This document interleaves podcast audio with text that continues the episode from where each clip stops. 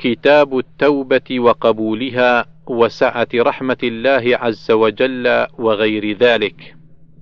الباب الأول في الأمر بالتوبة 1916 عن أبي بردة قال: سمعت الأغر وكان من أصحاب النبي صلى الله عليه وسلم يحدث ابن عمر رضي الله عنهم قال: قال رسول الله صلى الله عليه وسلم: يا أيها الناس توبوا إلى الله فإني أتوب إلى الله في اليوم مئة مرة. الباب الثاني الحض على التوبة 1917 عن الحارث بن سويد قال: دخلت على عبد الله أعوده وهو مريض فحدثنا بحديثين حديثا عن نفسه وحديثا عن رسول الله صلى الله عليه وسلم. قال: سمعت رسول الله صلى الله عليه وسلم يقول: لله أشد فرحا بتوبة عبده المؤمن من رجل في أرض دوية مهلكة. معه راحلته عليها طعامه وشرابه. فنام فاستيقظ وقد ذهبت فطلبها حتى أدركه العطش. ثم قال أرجع إلى مكان الذي كنت فيه فأنام حتى أموت. فوضع رأسه على سائده ليموت فاستيقظ وعنده راحلته. عليها زاده وطعامه وشرابه. فالله أشد فرحا بتوبة العبد المؤمن من هذا براحلته وزاده. أخرجه البخاري 6308 الباب الثالث في الصدق في التوبة وقوله عز وجل وعلى الثلاثة وعلى الثلاثة الذين خلفوا. 1918 عن ابن شهاب قال ثم غزا رسول الله صلى الله عليه وسلم غزوة تبوك وهو يريد الروم ونصارى العرب بالشام. قال ابن شهاب فأخبرني عبد الرحمن بن عبد الله بن كعب بن مالك أن عبد الله بن كعب بن مالك وكان قائد كعب من بنيه حين عمي قال سمعت كعب بن مالك يحدث حديثه حين تخلف عن رسول الله صلى الله عليه وسلم في غزوة تبوك. قال كعب بن مالك لم أتخلف عن رسول الله صلى الله عليه وسلم في غزوة غزاها قط إلا في غزوة تبوك. غير أني تخلفت في غزوة بدر ولم يعاتب أحدا تخلف عنه.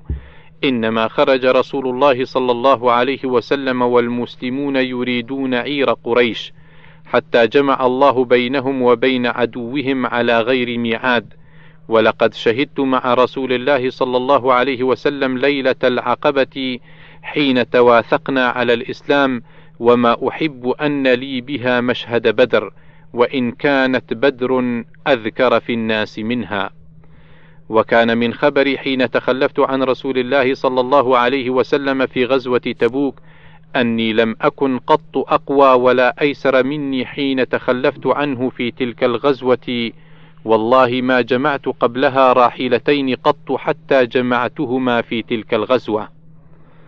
فغزاها رسول الله صلى الله عليه وسلم في حر شديد واستقبل سفرا بعيدا ومفازا واستقبل عدوا كثيرا فجلى للمسلمين أمرهم ليتأهبوا أهبة غزوهم فأخبرهم بوجههم الذي يريد والمسلمون مع رسول الله صلى الله عليه وسلم كثير ولا يجمعهم كتاب حافظ يريد بذلك الديوان. قال كعب فقل رجل يريد أن يتغيب يظن أن ذلك سيخفى له ما لم ينزل فيه وحي من الله عز وجل. وغزا رسول الله صلى الله عليه وسلم تلك الغزوة حين طابت الثمار والظلال فأنا إليها أصعر.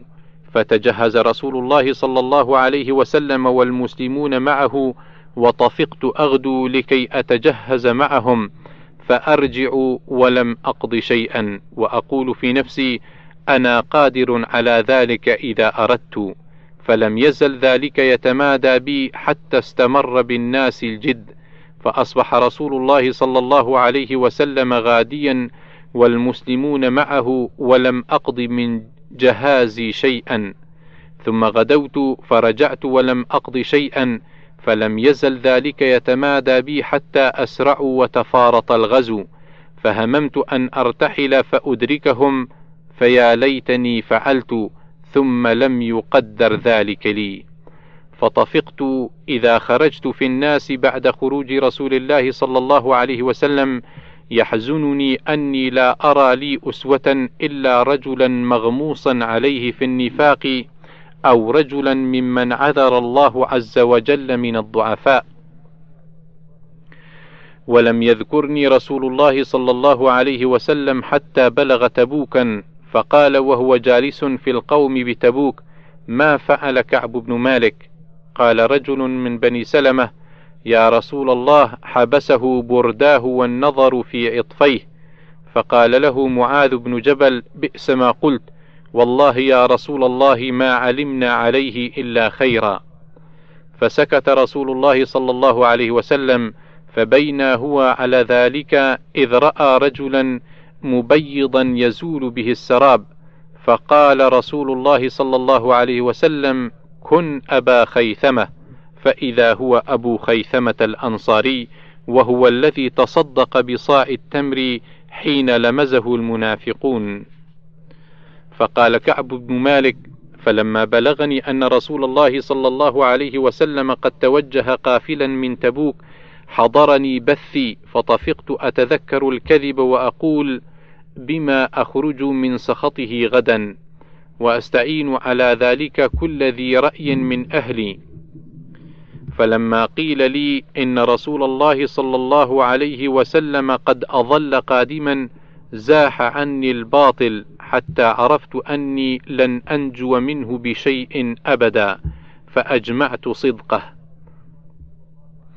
وصبح رسول الله صلى الله عليه وسلم قادما وكان إذا قدم من سفر بدأ بالمسجد فركع فيه ركعتين ثم جلس للناس فلما فعل ذلك جاءه المخلفون فطفقوا يعتذرون إليه ويحلفون له. وكانوا بضعة وثمانين رجلا فقبل منهم رسول الله صلى الله عليه وسلم علانيتهم وبايعهم واستغفر لهم ووكل سرائرهم إلى الله. حتى جئت فلما سلمت تبسم تبسم المغضب ثم قال تعال. فجئت أمشي حتى جلست بين يديه فقال لي ما خلفك؟ ألم تكن قد ابتعت ظهرك؟ قال قلت يا رسول الله إني والله لو جلست عند غيرك من أهل الدنيا لرأيت أني سأخرج من سخطه بعذر. لقد أعطيت جدلا ولكني والله لقد علمت لئن حدثتك اليوم حديث كذب ترضى به عني ليوشكن الله أن يسخطك علي. ولئن حدثتك حديث صدق تجد علي فيه إني لأرجو فيه عقب الله. والله ما كان لي عذر والله ما كنت قط أقوى ولا أيسر مني حين تخلفت عنك. قال رسول الله صلى الله عليه وسلم أما هذا فقد صدق فقم حتى يقضي الله فيك. فقمت.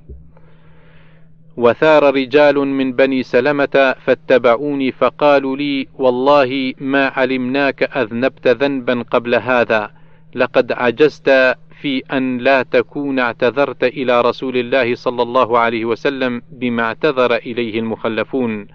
فقد كان كافيك ذنبك استغفار رسول الله صلى الله عليه وسلم لك.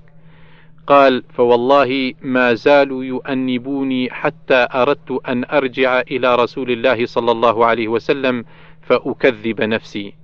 قال ثم قلت لهم هل لقي هذا معي من أحد؟ قالوا نعم لقيه معك رجلان. قالا مثل ما قلت. وقيل لهما مثل ما قيل لك. قال قلت من هما؟ قالوا مرارة بن ربيعة العامري وهلال بن أمية الواقفي. قال فذكروا لي رجلين صالحين قد شهدا بدرا فيهما أسوة. قال فمضيت حين ذكروهما لي. قال ونهى رسول الله صلى الله عليه وسلم المسلمين عن كلامنا أيها الثلاثة من بين من تخلف عنه. قال فاجتنبنا الناس وقال تغيروا لنا حتى تنكرت لي في نفس الأرض فما هي بالأرض التي أعرف فلبثنا على ذلك خمسين ليلة. فأما صاحباي فاستكانا وقعدا في بيوتهما يبكيان وأما أنا فكنت أشب القوم وأجلدهم فكنت أخرج فأشهد الصلاة وأطوف في الأسواق ولا يكلمني أحد. وآتي رسول الله صلى الله عليه وسلم فأسلم عليه وهو في مجلسه بعد الصلاة فأقول في نفسي هل حرك شفتيه برد السلام أم لا. ثم أصلي قريبا منه وأسارقه النظر فإذا أقبلت على صلاتي نظر إلي وإذا التفت نحوه أعرض عني. حتى إذا طال علي ذلك من جفوة المسلمين مشيت حتى تسورت جدار حائط أبي قتادة وهو ابن عمي وأحب الناس إلي فسلمت عليه فوالله ما رد علي السلام فقلت له يا أبا قتادة أنشدتك بالله هل تعلمن أني أحب الله ورسوله؟ قال فسكت. فعدت فناشدته فسكت فعدت فناشدته فقال الله ورسوله أعلم. ففاضت عيناي وتوليت حتى تسورت الجدار. فبين أنا أمشي في سوق المدينة إذا نبطي من نبط أهل الشام ممن قدم بالطعام يبيعه بالمدينة يقول من يدل على كعب بن مالك قال فطفق الناس يشيرون له إلي حتى جاءني فدفع إلي كتابا من ملك غسان وكنت كاتبا فقرأته فإذا فيه أما بعد فإنه قد بلغنا أن صاحبك قد جفاك ولم يجعلك الله بدار هوان ولا مضيعة فالحق بنا نواسيك. قال فقلت حين قرأتها وهذا أيضا من البلاء. فتياممت بها التنور فسجرتها بها. حتى إذا مضت أربعون من الخمسين واستلبث الوحي إذا رسول الله صلى الله عليه وسلم يأتيني فقال: إن رسول الله يأمرك أن تعتزل امرأتك، قال: فقلت: أطلقها أم ماذا أفعل؟ قال: لا بل اعتزلها. فلا تقربنها. قال: فأرسل إلى صاحبي بمثل ذلك. قال: فقلت لامرأتي: الحقي بأهلك فكوني عندهم حتى يقضي الله في هذا الأمر قال فجاءت امرأة هلال بن أمية رسول الله صلى الله عليه وسلم فقالت له يا رسول الله إن هلال بن أمية شيخ ضائع ليس له خادم فهل تكره أن أخدمه؟ قال لا ولكن لا يقربنك. فقالت إنه والله ما به حركة إلى شيء ووالله ما زال يبكي منذ كان من أمره ما كان إلى يومه هذا. قال فقال لي بعض أهلي لو استأذنت رسول الله صلى الله عليه وسلم في امرأتك فقد أذن لامراه هلال بن أمية أن تخدمه. قال فقلت لا أستأذن فيها رسول الله صلى الله عليه وسلم وما يدريني ماذا يقول رسول الله صلى الله عليه وسلم إذا استأذنته فيها وأنا رجل شاب. قال فلبثت بذلك عشر ليال فكمل لنا خمسون ليلة من حين نهي عن كلامنا. قال ثم صليت صلاة الفجر صباح خمسين ليلة على ظهر بيت من بيوتنا فبين أنا جالس على الحال التي ذكر الله عز وجل منا قد ضاقت علي نفسي وضاقت علي الأرض بما رحبت. سمعت صوت صارخ أوفى على سلع يقول بأعلى صوته يا كعب بن يا كعب بن مالك أبشر. قال فخررت ساجدا وعرفت أن قد جاء فرج. قال فآذن رسول الله صلى الله عليه وسلم الناس بتوبة الله تعالى علينا حين صلى صلاة الفجر. فذهب الناس يبشروننا فذهب قبل صاحبي مبشرون وركض رجل إلي فرسا وسعى ساع من أسلم قبلي وأوفى على الجبل فكان الصوت أسرع من الفرس فلما جاءني الذي سمعت صوته يبشرني نزعت له ثوبي فكسوتهما إياه ببشارته. نزعت له ثوبي فكسوتهما إياه ببشارته. والله ما أملك غيرهما يومئذ. واستعرت ثوبين فلبستهما فانطلقت أتأمم رسول الله صلى الله عليه وسلم يتلقاني الناس فوجا فوجا يهنئوني بالتوبة ويقولون لتهنك توبة الله عليك. حتى دخلت المسجد فإذا رسول الله صلى الله عليه وسلم جالس في المسجد وحوله الناس فقام طلحة بن عبيد الله يهرول حتى صافحني وهنأني. والله ما قام رجل من المهاجرين غيره. قال فكان كعب لا ينساها لطلحة. قال كعب فلما سلمت على رسول الله صلى الله عليه وسلم قال وهو يبرق وجهه من السرور ويقول أبشر بخير يوم مر عليك منذ ولدتك أمك.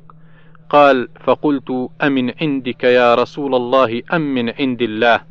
فقال لا بل من عند الله. وكان رسول الله صلى الله عليه وسلم إذا سر استنار وجهه حتى كأن وجهه قطعة قمر. قال وكنا نعرف ذلك. قال فلما جلست بين يديه قلت يا رسول الله إن من توبتي أن أنخلع من مالي صدقة إلى الله وإلى رسوله صلى الله عليه وسلم. فقال رسول الله صلى الله عليه وسلم أمسك بعض مالك فهو خير لك. قال فقلت فإني أمسك سهمي الذي بخيبر. قال وقلت يا رسول الله إن الله إنما أنجاني بالصدق وإن من توبتي أن لا أحدث إلا صدقا ما بقيت. قال فوالله ما علمت أن أحدا من المسلمين أبلاه الله في صدق الحديث منذ ذكرت ذلك لرسول الله صلى الله عليه وسلم. إلى يوم هذا أحسن مما أبلاني الله عز وجل به. ووالله ما تعمدت كذبة منذ قلت ذلك لرسول الله صلى الله عليه وسلم إلى يوم هذا. وإني لأرجو أن يحفظني الله فيما بقي. قال: فأنزل الله عز وجل: لقد تاب الله على النبي والمهاجرين والأنصار الذين اتبعوه في ساعة العسرة حتى بلغ إنه بهم رؤوف رحيم وعلى الثلاثة الذين خلفوا حتى إذا ضاقت عليهم الأرض بما رحبت وضاقت عليهم أنفسهم حتى بلغ وكونوا مع الصادقين. سورة التوبة الآيات من 117 إلى 119 قال كعب والله ما أنعم الله علي من نعمة قط بعد إذ هداني الله للإسلام أعظم في نفسي من صدق رسول الله صلى الله عليه وسلم. أن لا أكون كذبته فأهلك كما هلك الذين كذبوا. إن الله قال للذين كذبوا حين أنزل الوحي شر ما قال لأحد وقال الله عز وجل سيحلفون بالله لكم إذا انقلبتم إليهم لتعرضوا عنهم فأعرضوا عنهم إنهم رجس إنهم رجس ومأواهم جهنم جزاء بما كانوا يكسبون. يحلفون لكم لترضوا عنهم فإن ترضوا عنهم فإن الله لا يرضى عن القوم الفاسقين. قال كعب كنا خلفنا أيها الثلاثة عن أمر أولئك الذين قبل منهم رسول الله صلى الله عليه وسلم حين حلفوا له فبايعهم واستغفر لهم وأرجأ رسول الله صلى الله عليه وسلم أمرنا حتى قضى الله عز وجل فيه. فبذلك قال الله عز وجل وعلى الثلاثة الذين خلفوا حتى إذا ضاقت عليهم الأرض بما رحبت وليس الذي ذكر الله مما خلفنا تخلفنا عن الغزو وإنما هو تخليفه إيانا وإرجاؤه أمرنا عمن حلف له واعتذر إليه فقبل منه. أخرجه البخاري 4418 الباب الرابع قبول التوبة ممن قتل مئة نفس. 1919 عن أبي سعيد الخدري رضي الله عنه أن رسول الله صلى الله عليه وسلم قال كان في من كان قبلكم رجل قتل تسعة وتسعين نفسا فسأل عن أعلم أهل الأرض فدل على راهب فأتاه فقال إنه قتل تسعة وتسعين نفسا فهل له من توبة؟ فقال لا. فقتله فكمل به مئة ثم سأل عن أعلم أهل الأرض فدل على رجل عالم فقال إنه قتل مئة نفس فهل له من توبة؟ فقال نعم ومن يحول بينه وبين التوبة؟ انطلق إلى أرض كذا وكذا فإن بها أناسا يعبدون الله عز وجل فاعبد الله تعالى معهم ولا ترجع إلى أرضك فإنها أرض سوء. فانطلق حتى إذا نصف الطريق أتاه الموت فاختصمت فيه ملائكة الرحمة وملائكة العذاب. فقالت ملائكة الرحمة جاء تائبا مقبلا بقلبه إلى الله عز وجل. وقالت ملائكة العذاب إنه لم يعمل خيرا قط. فأتاهم ملك في صورة آدمي فجعلوه بينهم فقال قيسوا ما بين الأرضين فإلى قيسوا ما بين الأرضين فإلى أيتهما كان أدنى فهو له. فقاسوا فوجدوه أدنى إلى الأرض التي أراد فقبض فقبضته ملائكة الرحمة.